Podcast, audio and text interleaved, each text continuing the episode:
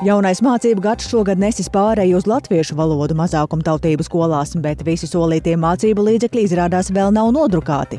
Kāda būs vienotā latviešu valodas mācību grāmata pirmajām klasēm un kāpēc pārējās grāmatas kavējas? Par to jau pēc brīža plašāk raidījumā pēcpusdiena. Eiropas Savienības austrumu robežu ar Baltkrieviju pagaidām vēl neslēgs, kļuvis zināms pēc šodien Varšavā notikušās Baltijas un Polijas iekšlietu ministru apspriedes. Ministram Mārim Kučīnskim vaicāsim, kas tomēr var likt pārskatīt šo nostāju. Bet Māris Bergs no Džakartas ziņos, kādas noskaņas valda Latvijas basketbolistu rindās pēc ziņas, ka savainojumu dēļ komandai vairs nevarēs palīdzēt Dairis Bertāns. Par to visu plašāk raidījumā pēcpusdiena kopā ar mani Dāci Pēkšēnu.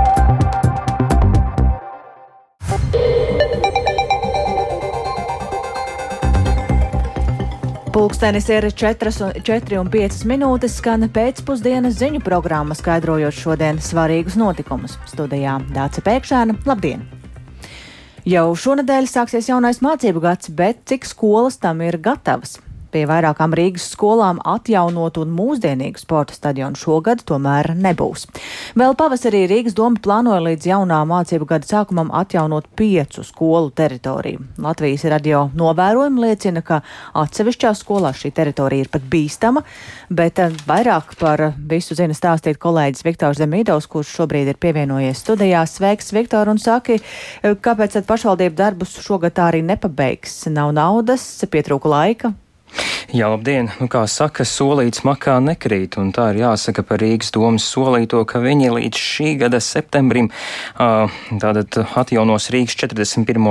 vidusskolas, 63. pamatskolas, Ziepnekalna vidusskolas, Franču liceja un Zolitūdas gimnāzijas teritoriju. Tad Tātad par to viņi solīja mm, pavasarī, un tātad sakot, ka mm, atjaunos arī nu, piegulošo teritoriju, stadionu, un tad bērniem būs patīkama vide.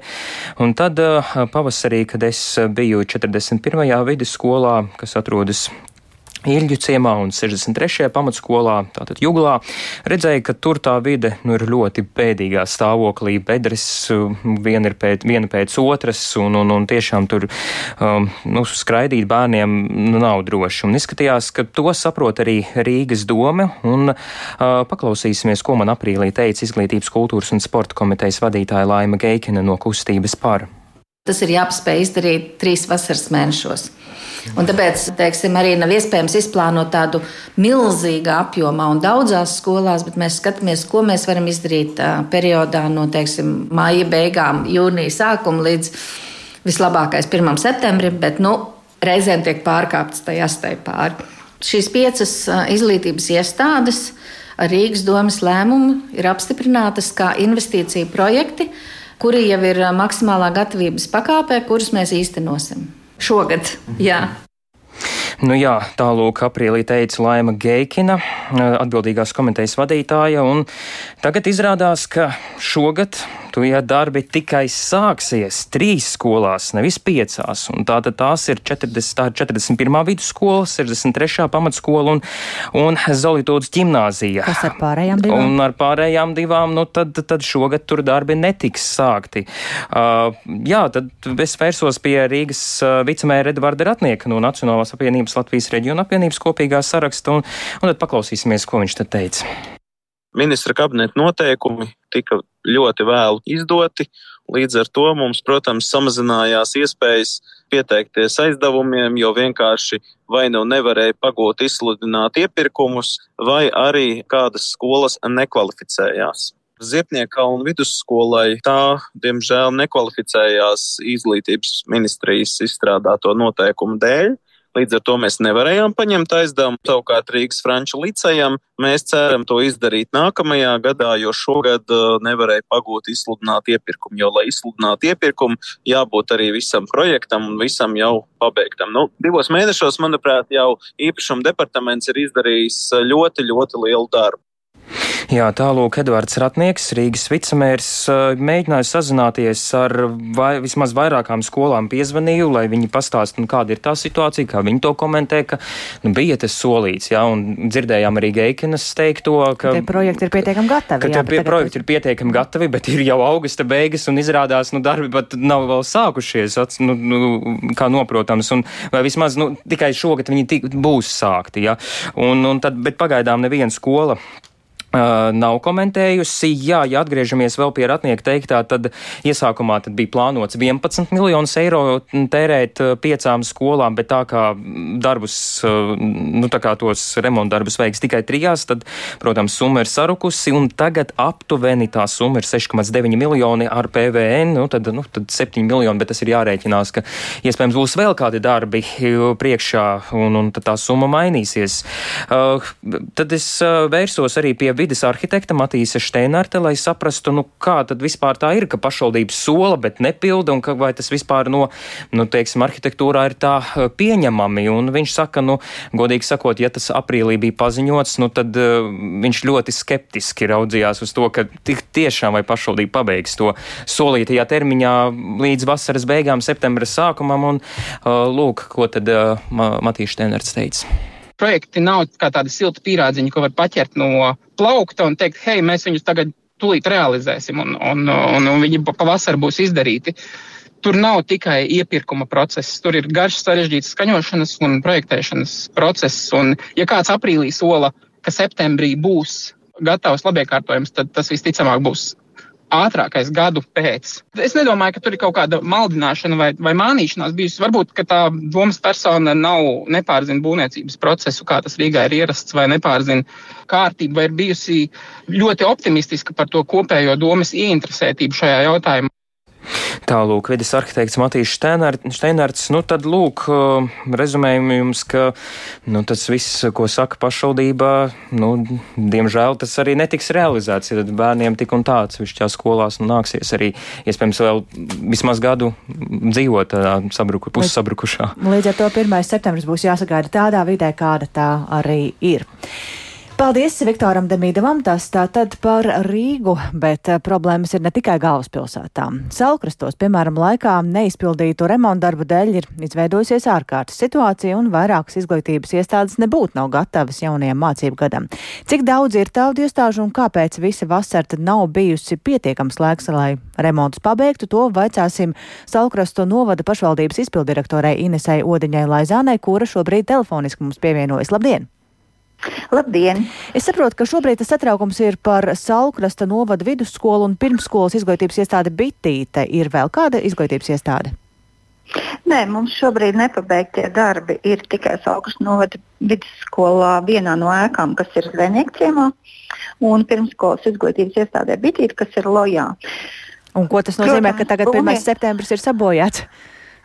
Nē, mēs risinām jautājumu un mēs eh, reaģējam. Mēs sekojām līdzi. Mums jau bija aizdomas, ka būvniekam ir par maz resursu uh, objektos, un mūsu tehniskais vadītājs regulāri apsekoja. Mēs sekojām līdzi, mēs izsaucām arī būvnieku sarunām. Viņš apgalvoja, ka viņš 15. augusta darbus pabeigs. Bet, uh, Iestājoties 15. augustam, mēs novērtējām situāciju, cik ir pabeigts, kā ir gājuši darbi un konstatējām, ka darbus nevarēs pabeigt arī līdz 1. septembrim. Un šajā sakarā mēs pieņēmām lēmumu laust līgumu. Steidzam veicām aptauju, būvnieku aptauju, vai kāds ir gatavs nākt vietā uzreiz, pārņemt darbus. Mums ir šāds būvnieks, mēs esam veikuši sarunu procedūru un darbus. Mēs ceram pabeigt līdz 4. septembrim. Tā kā sākoties mācību procesam, mēs ceram, ka mums bērni tiks telpās. Mēs vienkārši negaidījām tik ilgi. Jā, ko, ko vispār bija paredzēts īsti remontēt, un vai tiešām jūs cerat, ka nu, to, ko nevarēja visas vasaras garumā izdarīt, varēs tagad nu, nepilnas nedēļas laikā mm, dabūt gatavu? Um, dar, darbi, tie, ne, mēs runājam šobrīd par izglītības iestādēm. Ša, šim būvniekam bija četras, viņš vinēja četrās iepirkuma daļās, kas bija ne tikai izglītības iestādes, tur bija arī un kultūras nama sociālās aprūpas centrs. Jā, bet par skolām un, tieši runājot, kas bija jāremontē? Jā, par skolām viņi sāka skolas, ne, viņš ir, ne, nu, ņemot vērā, kāds bija būvnieku resurss un, un, un, un, un skatoties, kā, kā notika darbi, tas ir pulkstenis piecos objekts tika aizslēgts un, un devās prom šie strādnieki sestdien, svētdien. Viņi arī nestrādāja. Vēl rēķinoties ar to, ka viņi kavē termiņus, tad, tad nu, pie šāda darba apjoma, pie šādas darba organizācijas mēs saprotam, ka nevar pabeigt. Ja ir būvnieks, kurš strādā normāli ar pietiekumu skaitu darbinieku, tad viņš var pabeigt šos darbus. Tieši tāpēc arī šis lēmums tika pieņemts. Mm -hmm. uh, tas nozīmē, ka 1. septembrī bērni dodas uz kurieni? Uz šīm 1. Eh, septembrī ir bērniem ir svinīgā šī 1. septembra pasākums, kur visi, kas notiek. Uh, Kā nu, kā nu kurā, kurai grupai, bet nu, tas notiek uh, Saukras estrādē. Un, un 4. septembrī, kad jāiet būs uz skolu bērniem, viņi dosies uz savām klasēm. Jo mums nav izremontēts šobrīd tikai divas klases un gaitenes zvejnieku ciemā un viena grupiņa lojā. Bet, nu, tie, un, un kas attiecas uz loju, tad mēs vēl papildus piesaistījām, atsaucām no atvaļinājuma savus remontstrādniekus, kas arī tur piedalās. Es, līdz ar... Mēs darbus pabeigsim, mums ir mērķis viņus pabeigt, un mēs pabeigsim. Un tātad līdz nākamajai pirmdienai visam vajadzētu būt uh, kārtībā tā, lai Jā. droši varētu bērni mācīties tur. Paldies par uh, sarunu no Salkras novada pašvaldības izpildirektorai Inesai Odiņai un Laizānei. Bet um, par jauno mācību gadu runājot, tad 1. septembris nāk ar vēl kādām pārmaiņām. Jaunais mācību gads šogad nozīmē arī pāreju uz latviešu valodu mazākumtautību skolās, bet eh, solītie mācību līdzekļi, kas ir iecerēti skolotāju un skolānu atbalstam, vēl ir drukāšanā. Vai paspēsim tos līdz 1. septembrim sagaidīt um, uz Latviešu valodas aģentūru, paturēt rokās svaigi nodrukāto vienoto Latviešu valodas mācību grāmatu, kas ir domāta visu skolu pirmajām klasēm, devās kolēģi Ieva Puķe. Viņa ir šobrīd pie mums studijā. Sveika, Ieva! Un saka, kādi tad būs šie jaunie mācību līdzekļi, kādi vēl ir paredzēti, un tātad mums pagaidām ir tikai pirmajām klasēm gatavi, saprot, ja?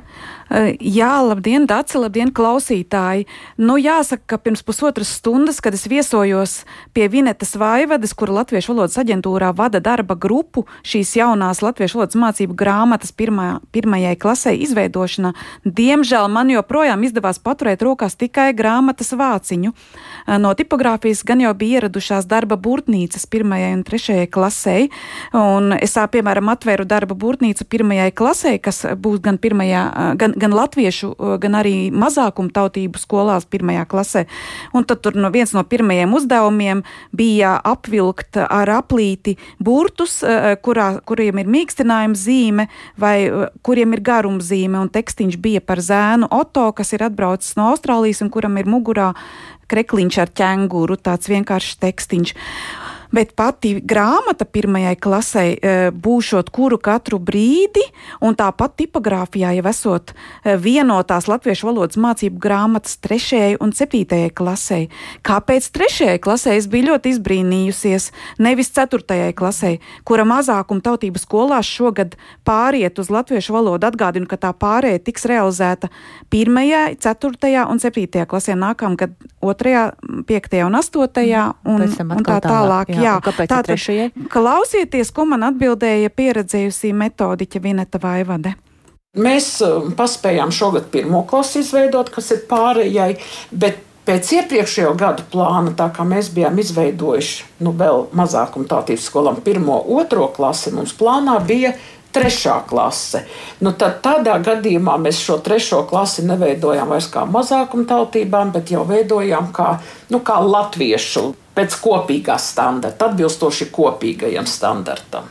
Bet kas tad būs 4. klasē, kura pāriet? 4. klasē mums ir atsevišķi mācību materiāli. Mums ir mācību materiāli literatūrai, piemēram, tie ir literatūras saraksti, jo mazākuma tautības skolu, latviešu skolotāji diezgan maz orientējas literatūrā. Mums ir šādi pārskati literatūrā, mums ir atsevišķas tematu izstrādnes, un mums ir e, mācību un metodiskais materiāls matemātikā zinībās, sociālajās zinībās un dabas zinībās. Diemžēl latviešu valodas grāmata nav. To mēs top. top jā. Vaivadas kundze skaidroja, ka visus šos izdevumus Latviešu valodas aģentūra sākus gatavot tikai no 1. janvāra, kad sākās budžeta gads, un tie tapuši rekordtempā, jo, protams, šī pārēja ir politisks lēmums. Uh, Eh, kas visādi citādi ir apsveicams, eh, bet tas met arī akmeni Latviešu valodas aģentūras dārziņā, jo plāni bijuši pavisam citi, un aģentūra patiešām ar pilnu jaudu ir centusies kuģi pagriezt eh, mazliet citā virzienā, bet tagad pārmetums karot arī viņus. Par grāmatas kvalitāti Vineta Vaivat izteicās ļoti diplomātiski. Nu, mēs runājam tieši par to pirmās klases grāmatu, ka katru jaunu grāmatu jau vienmēr gribas mazliet vairāk izauklēt, un šoreiz tam vienkārši netika dots laiks. Bet viņa neatbalstīja arī iespējams mm, retoriku, mm, politizēto, ko masu medijos bija dzirdējis tieši no uh, nozares ministrijas vadības puses, ka mazākuma tautību skolām tiekot dots pavisam jauns mācību saturs un, un pavisam jauni mācību līdzekļi, jo, jo Latviešu valodas aģentūra jau kopš 1994. gada uh, ir uzņēmusies rūpes par mazākumu tautību izglītību, veido mācību kompletus, iestrādes un pieredze ir, notiek sadarbība ar, gan ar mazākumu tautību skolotājiem, gan ar Daugopils universitāti. Un no 2004. gada tiek veidots bilingvāls saturs, bet tagad m, mm, jaunās grāmatas būs tikai latviešu valodā. Vienotā pirmās klases grāmata arī nebūs tā tradicionālā gaļa ābece, kas pazīstama no mūsu bērnības, mhm. jo pēc jauniem izglītības standartiem tagad pirmklasnieki ierodas skolā jau prasdami burtus, un latviešu burti pirmskolā būtu jāapgūst arī krievu un citu tā dēvēto mazākumu tautību bērniem. Vai tas ir noticis, tas ir cits jautājums. Uh, Vinet Vaivad pieņem, ka situācija varētu būt ļoti dažāda un visur pārēja nebūs viegla. Es sazvanīju arī valsts izglītības satura uh, centra vadītāju Lieni Voroņenko, kura tieši šajās dienās apbraukā skolas, runādama ar šiem skolotājiem, kam būs jāstrādā pēc vienotās skolas modeļa. Klausieties viņas domas. Bāžas ir vienmēr. Skolotāji ir Latvijā perfekcionisti, viņi negrib kļūdīties, un viņi grib iedot vislabāko, ko viņi var darīt. Bet es domāju, ka mēs visi esam gatavi. Mēs esam profesionāli savā nozarē. Mēs zinām, kas būs izaicinājumi.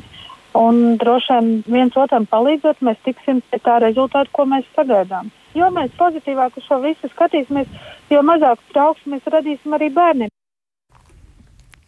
Jā, tā tad tas par vēlreiz atgriežoties pie tām grāmatām, tātad pirmā klase tūlīt, tūlīt būs un pārējās grāmatas, tad, nu, Pārējās grāmatas joprojām tiek gaidītas. Eh, ir izskanējušas bāžas arī masu medijos, ka uh, esot pamatots aizdoms, ka nebūs arī vēl septembra sākumā, mm, būšot mm septembra gaitā šīs pārējās grāmatas. Nu, to redzēsim. Paldies Ievai Puķai par šo skaidrojumu, bet tātad um, atgādināšu, ka jaunais mācību gads jau sākas šo piekdienu. Virkne Ukrainas nevalstisko organizāciju tuvāko dienu laikā starptautiskajā krimināla tiesā iesniegs jaunus pierādījumus par noziegumiem pret cilvēci, kas paveikti Ukrainas dienvidu austrumu pilsētā Mariupolē. Pēc nevalstisko organizāciju aplēsēm Krievijas īstenotajos noziegumos Mariupolē bojā gājuši ap simt tūkstošiem cilvēku, un tur notikušais būtu jāizmeklē kā genocīds. Vairāk par to esam sazinājušies šobrīd ar Latvijas radio korespondentu Ukrainā Indru Sprānci. Labdien, labdien Indra! Labdien! Jā, šodien Kīvā par saviem plāniem vērsties starptautiskajā krimināla tiesā informēja Harkivas cilvēktiesība aizsardzības grupas pārstāvi. Šī nevalstiskā organizācija kopā ar vēl aptuveni 20 citām cilvēktiesību organizācijām, kas apvienojušās zem iniciatīvas Tribunāls Putinam, visā Ukrainā dokumentēja visu veidu noziegumus pret cilvēci, vāc un apkopo liecības un cita veida pierādījumus. Tā kā Ukrainas likumos šobrīd šāda pānta par noziegumu pret cilvēci nav, tad uh, nevalstisko organizāciju pārstāvi paši apkopo datus par šādu raksturu noziegumiem. Tas tiek darīts paralēli Ukrainas tiesību sargu darbam. Gada sākumā jau ziņots, ka prokuratūra izmeklē vairāk nekā 70 tūkstošu skaru noziegumu. Tagad noteikti to ir vairāk. Savukārt nevalstiskās organizācijas cenšas pašas piefiksēt visu, kas varētu atbilst formulējumam noziegumu pret cilvēci. Viņi apkopo gan publiski pieejamo informāciju, gan intervēt cietušos no okupētajām teritorijām izbraukušos, spīdzinātos, ir apzinājuši ap 600 spīdzināšanas uh, gadījumus. Tāpat tiek vākt un vienotā datu bāzē apkopot arī cita veida informācija, kas liecina par noziegumiem, šādu veidu noziegumiem. Paklausīsimies Harkivas cilvēktiesību grupas uh, vadītāja Jevgenija Zahārova šodien sacīto, ko nevalstiskajām organizācijām visā Ukrainā līdz šim ir izdevies apkopot. На сьогодні в нашій базі даних близько 50 тисяч. Uz šo dienu mūsu datu bāzē ir turpat 50 tūkstoši noziegumu, lai būtu precīzi 49 826 noziegumi uz šo dienu. Un tad radās jautājums, ko ar to visu darīt, kā panākt, lai pie atbildības tiktu saukti visi tie, kas veica šos noziegumus, kas deva viņiem pavēles to darīt, kas deva pavēles no augšas līdz pat augstākajai politiskajai un militārajai vadībai Krievijā. Lai panāktu vainīgo saukšanu pie atbildības, nevalstiskās organizācijas nolēmušas pašas, pašas vērsties starptautiskajā krimināltiesā. Šajās dienās tiks iesniegts apjomīgs pierādījumu kopums, kas liecina par Krievijas vispārējā iebrukuma sākumā Mariupolē īstenoto genocīdu pret Ukraiņu tautu. Un tā kā Mariupola joprojām ir okupēta, liecības aptver publisko informāciju no Mar Mariupolas izbraukušo un citu cilvēku liecības, kādām šausmām viņi ir gājuši cauri, kāda bija pilsēta tobrīd, kad viņi devās devās prom. Kā dzīve cilvēku aprakt ēku grūšos, kā nosiņoja slimnīcās, kas tika bombardēts, kā sirmgalvi mira augšējos stāvos no bada un, un daudz, daudz citus gadījumus. Paklausīsimies vēl vienu fragment no Harkivas cilvēktiesību grupas vadītāja Evgenija Zahārova šodien teiktā. Mēs ceram, ka starptautiskā krimināla tiesa pievērsīs uzmanību šim darbam un iekļaus savā darba kārtībā tos noziegumus, par kuriem mēs ziņojam. Šajā pieteikumā par genocīdu Mariupolē daļa pierādījumu ir arī par bērnu nelikumīgu izvešanu. Cik daudz šādu gadījumu attiecas uz Mariupoles bērniem šobrīd precīzi nav zināms par, par to, ka Mariupoles bērni nav bijuši izņēmums un nelikumīgi izvest uz Krieviju. Tāpat kā no citām pilsētām liecina kaut vai apstākļus par to, ka Krievijas prezidenta pilnvarotā pārstāvja bērnu tiesību jautājumos Marija Ļvova Belova pati adoptēja pusaudz no Mariupoles, un, un mēs zinām arī, ka starptautiskā krimināltiesa ir izdevusi arestu ordeni ne tikai Putinam, bet arī viņai. Taču nevalstiskās organizācijas norāda, ka šī tepat laba starptautiskajā krimināltiesā izmeklētā lieta tiek skatīta kā kara noziegums. Savukārt Nevalstiskās organizācijas uzskata, ka arī šajā sadaļā ir pamats runāt par genocīdu pret ukraiņiem. Kā šodien norādīja viens no pieteikumu starptautiskajai krimināltiesai autors, Harkivas cilvēktiesību grupas eksperts Mihailo Romanovs, Mariupolē notiekušo var salīdzināt ar Srebre, Srebrenicas slaktiņu, kurā Bosnijas sērbu karavīri sagūstīja un nogalināja vismaz 8000 vīriešus un zēnus, un starptautiskais tribunāls Hāgā šo lietu atzina par genocīdu. Paklausīsimies fragment no Romāno šodien sacītām. Ми виходили з того, що тут можна проводити певну паралель між Mēs izgājām no tā, ka var vilkt paralēles starp situāciju Mariupolē un to, kas savulaik notika Srebrenicā. Tāpēc mēs izgājām uz to, ka Mariupolē kopumā ir vieta, kur noticis noziegums - genocīds attiecībā pret aizsargājamu grupu - Ukraiņiem, balstoties uz nacionālu kritēriju. ґрунті національного критерію. Kā stāstīja Romanovs pieteikumā par genocīdu Mariupolē, par upuriem tiek uzskaitīti uzskatīt aptuveni 100 tūkstoši pilsētas iedzīvotāji, kas gājuši bojā. Šis ir ļoti aptuvenis aplēses, balstoties uz um, publiski pieejamo informāciju, to informāciju, kas viņiem ir zinām par izbraukušiem, tiem, kas, kam bija tāda iespēja. Precīzu datu nav tā kā Mariupola joprojām atrodas Krievijas karaspēka okupācijā.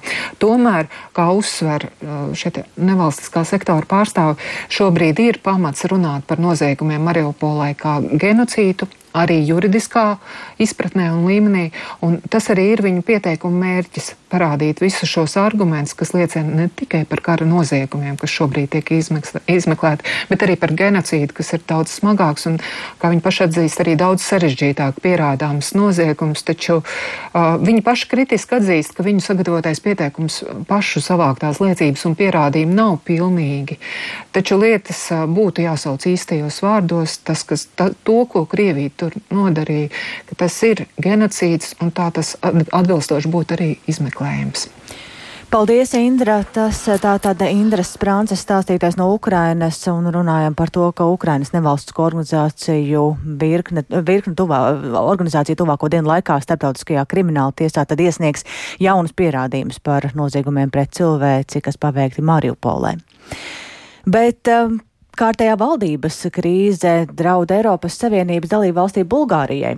Šoreiz to var izraisīt ietekmīgais biznesmenis Vasils Boškovs, kuru apsūdz par saistību ar nu jau mirušo Krievijas algotņu grupējumu Wagner vadītāju Jevgeņiju Prigožinu. Un Boškovs apgalvo, ka viņš ir veicis nelikumīgus maksājumus vairākiem politiķiem, kuru vidū esot arī bijušais premjerministrs Boiko Borisovs.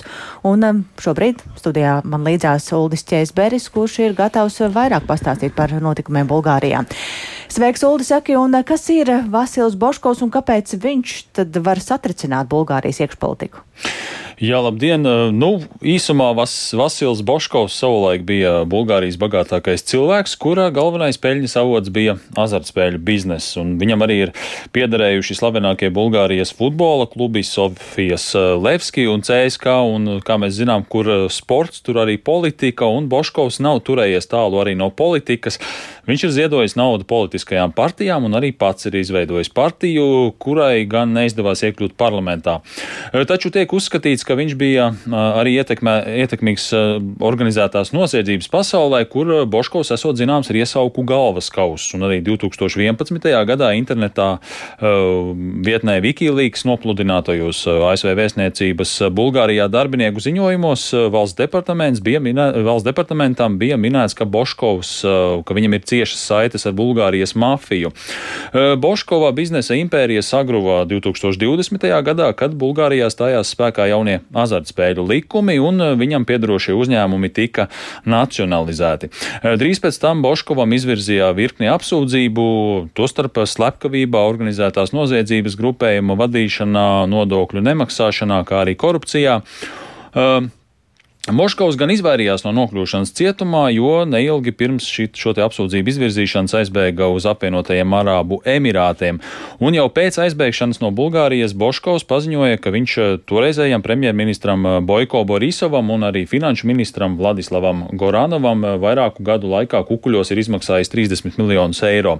Un pagājušajā piekdienā Boškovs sociālajos tīklos negaidīti paziņoja, ka viņš atgriežas Bulgārijā, nu, lai tiesas ceļā panāktu savu attaisnošanu. Un uh, pēc nolaišanās Sofijā uh, viņu arestēja, un uh, tiesa vēlāk viņam arī piesprieda arestu. Un tikai šonadēļ, jā, nedēļas nogalē gaismā nāca fakts, ka Boškovam ir bijušas arī darījuma attiecības ar Krievijas algotņu grupējuma Wagner vadītāju Jevgeņiju Prigožinu un vēl vairākiem Krievijas pilsoņiem, kas pēc 2014. gada Krievijas īstenotā Krīmas aneksijas ir iekļauti, tātad pakļauti sankcijām. Ko tad eh, par Boškovu izteiktajām apsūdzībām saka ekspremjeras Borisovs? Jā, nu viņš, protams, noliedz, ka jebkad būtu saņēmis kādus eh, maksājumus no Boškova, un eh, Borisovs arī uzskata, ka Boškovam ir iespēja pierādīt savu nevainību, un varam noklausīties viņa teikto. Аз истински се надявам господин Бошков да е дошъл да си реши въпросите в правосъдието. Ако... Es ļoti ceru, ka Boškova kungs ir ieradies risināt savas problēmas ar tieslietu sistēmu. Ja viņš ir nevainīgs, tad ļaujiet viņam to pierādīt. Ja viņš ir vainīgs, mums ir tieslietu sistēma. Tas ir viss, ko es varu pateikt. Es esmu bijis ģenerāla prokuratūrā uz vairākām nopratināšanām, tāpēc uzskatu, ka šajā jautājumā man vairs nav ko piebilst. Tas prasītams ir, ka viņš ir kaut kādā dubā. Jā, bet nu, pamatojoties uz Boškova apgalvojumiem, ASV šogad piemēroja sankcijas bijušajam Bulgārijas finanšu ministram Goranovam, un tas liek domāt, ka Vašingtona Boškova liecības uzskata vismaz par nu, daļēji patiesām. Un notiekošais var ietekmēt pašreizējo Bulgārijas valdību, ko veido um, ekspremjera Borisova pārstāvētā konservatīvā partija Gerba kopā ar uh, pretkorupcijas partiju Mēs turpinām pārmaiņas. Nu, ja šī skandāla dēļ Gerba būs jāizstājas no koalīcijas, tad uh, valdība pildīgi noteikti sabruks, jo bez šīs te partijas uh, balsīm tā nevar turpināt darbu, un var nākties rīkot jaunas vēlēšanas. Un atgādināšu, ka kopš 2021. gada Bulgārijā ir notikušas jau piecas parlamenta vēlēšanas. Nu, tas tikai apliecina to, cik grūti pēc šādām vēlēšanām ir bijis izveidot valdību. Tātad šis te, tāds cikls nebeidzamais, kad tiek organizētas jaunas vēlēšanas, ir turpinājies. Nu, tagad Pagaidām it kā ir tāds stabilitātes periods, bet tas atkal var mainīties, ja, ja, ja šī valdība kritīs.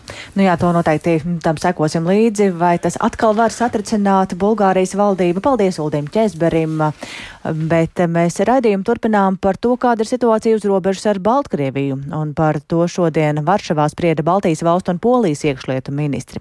Jāatgādina, ka Baltkrievija jau ilgstoši izvērš hibrīdu operāciju pret Latviju, Lietuvu un Poliju, valstiski atbalstot nelegālo migrantu centienus iekļūt Eiropas Savienībā, un tāpēc arī iepriekš izskanējis pieļāvums par Eiropas Savienības robežas slēgšanu ar Baltkrieviju.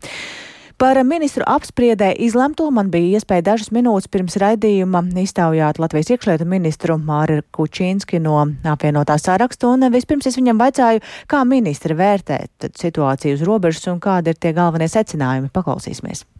Joprojām uh, turpinās nelegālā imigrācija. Šobrīd arī pieaugusi ne tikai Latvijā, bet arī Polijas savs cipars teica, kas nozīmē, ka no Baltkrievijas puses hibrīda karš turpinās. Tā kā tiek uzsvērts arī tas, ka kaut arī pats Wagner uh, vadītāja vairs nav, bet Wagner darbības Baltkrievijā tāpat vēl nav īsti prognozējams, kas var notikt. Tāpēc mums ir jābūt gataviem pie visiem scenārijiem. Un vienošanās, ko mēs arī beigās formalizējām arī kopīgā dokumentā, ka gadījumos, ja pirmais gadījums robežas tiek brutāli sturmēts, ja tā var teikt, no raidot turienes bēgļu skaitu, imigrantu skaitu lielu, kā tas bija nesenā vēl vēsturē, īpaši Polijā. Tas ir pirmais gadījums, kurā mēs šobrīd pasakām, ka robežas var tikt slēgtas. Otrais gadījums, ja tiek pielietoti ieroči. Tāpat mēs uzsvērām, ka robežas slēgšanā tiek respektēts, ja pie tā mēs nonākam kopīgā lēmumā, tiek respektēts Baltkrievijas opozicionāru vēlēšanās izbraukt no turienes arī gadījumā, ja kādam ir jāatgriežas. Tad tas ir kopīgs risinājums. Bet uh, to lēmumu mēs pieņemtu visi kopīgi īsā laikā un šobrīd, lai varētu arī veikt tādu zināmu saskaņošanas procesu. Kā būtu, ja būtu, tā varētu teikt. Mēs esam izveidojuši tādu, kā, kas mūsu gadījumā tas ir valsts sekretārs un robežu apsardzes vadītājs, kur faktiski arī gan pastāvīgi kontaktējas, gan arī izstrādā kopīgi un piedāvās mums kādus arī algoritmus, kā to darīt kaut kādā x stundā. Šis ir svarīgs vēstījums mūsuprāt, ko mēs tad arī nododam Baltkrievijas oficiālajai varai par to, ka mūsu prasība ir izbeigt šo atbalstu, kas ikdienā notiek, un pieņemt zināšanai, kā arī no mūsu puses var būt stingrāka rīcība. Bet šajā brīdī tātad robežas pagaidām netiek um, slēgta. Tad, uh, ja izpildās šie divi nosacījumi, kā jūs minējāt, tad tāda to lemj. Bet vai to lemj eh, tikai tādā gadījumā tā nostāja ir kopīga, vai pastāv arī iespēja tomēr, ka viena valsts rīkojas atsevišķi? To mēs tā ļoti praktiskā sarunā, divas stundas šajā apspriedē arī modelējam. Jo to arī es uzsvēru, ka atsevišķā gadījumā, ja kāds apdraudējums ir vienai robežai, tā rīcība ir ļoti nekavējoties konkrētajā punktā, bet pārējie šai gadījumā jau īsā laikā arī izrāda savu solidaritāti. Un, protams, tas ir valdības, tas ir pats premjeru un uh, ārlietu ministru arī iesaistīts šajā lēmumu pieņemšanā, bet rīcība būtu visiem vienota. Tātad pat ja uzbrukums kāds ar ieročiem ir, vai, vai Polijai arī uh, Latvija kopīgi ir gatava pieņemt lēmumu par visu robežu slēgšanu. Un šajā brīdī, kur tā situācija pagaidām ir vissaspringtākā no šīm trim valstīm? Šobrīd situācija tiek kontrolēta, tā skaitā arī pie mums, jo, jo lai gan par infrastruktūrā, kas mums tikai uz Baltkrievijas šogad fiziskais žoks tiks pārsvarā uzcelts visur, bet Tā pašā laikā mums ir pastiprināta cilvēku klātbūtne, pastiprināta novērošana. Tā kā tāda nekontrolējama situācija nav nekur. Ir tāda paša līdzīga algoritma kā mums, atkarībā no plūsmas, kur tiek nacionālajie bruņotie spēki iesaistīti. Ļoti līdzīgs mehānisms ir Lietuvā. Nu, pieplūdums šobrīd lielāks ir Latvijā un Polijā. Neskatoties uz lielo žogu, tomēr Vācija ir tuvāk Polijai. Tāpat mēs runājam arī par sodiem, par sodu vajadzību, piemēram, par vajadzību piemērot daudz augstākus sodus tiem, kas nodarbojas ar cilvēku kontrabandu. Mēs to esam aktualizējuši, un es izsaku cerības, ka saima jau tuvākā mēneša laikā arī pieņems lielāku bardzību pret uh, tiem, kas mūsu pusē gatavi sagaidīt, vest projām cilvēkus, jo šobrīd kādinās tie sodi. Nu, nu, sodi var būt arī ļoti niecīgi, ko pierāda pirmās tiesas prakses. Tā iekšlietu ministrs Māris Kučīnskis no apvienotā saraksta, un viņu mēs sazinājām pirms īsa brīža, kad viņš devās ceļā uz lidostu. Un runājot par apvienoto sarakstu, tieši apvienotā saraksta valda un frakcija šodien ar savu nostāju ir likusi paņemt pauzi valdības veidošanas sarunās un vēlas rīt individuālu sarunu ar premjera amata kandidātu Eviku Siliņu no jaunās vienotības. Pēc šīs sarunas apvienotais saraksts varētu paziņot, ar ko ir gatavi sadarboties iespējami paplašinātā koalīcijā. Un vairāk par to Jāņa Kīņša sagatavotajā ierakstā. Premjeramata kandidāte Evika Siliņa jaunās vienotības valdi iepazīstinājusi ar līdzinējo koalīcijas veidošanas procesu un saņēmusi politiskā spēka mandātu izveidot rīcības spējīgu valdību ar pietiekami plašu saimnes vairākumu.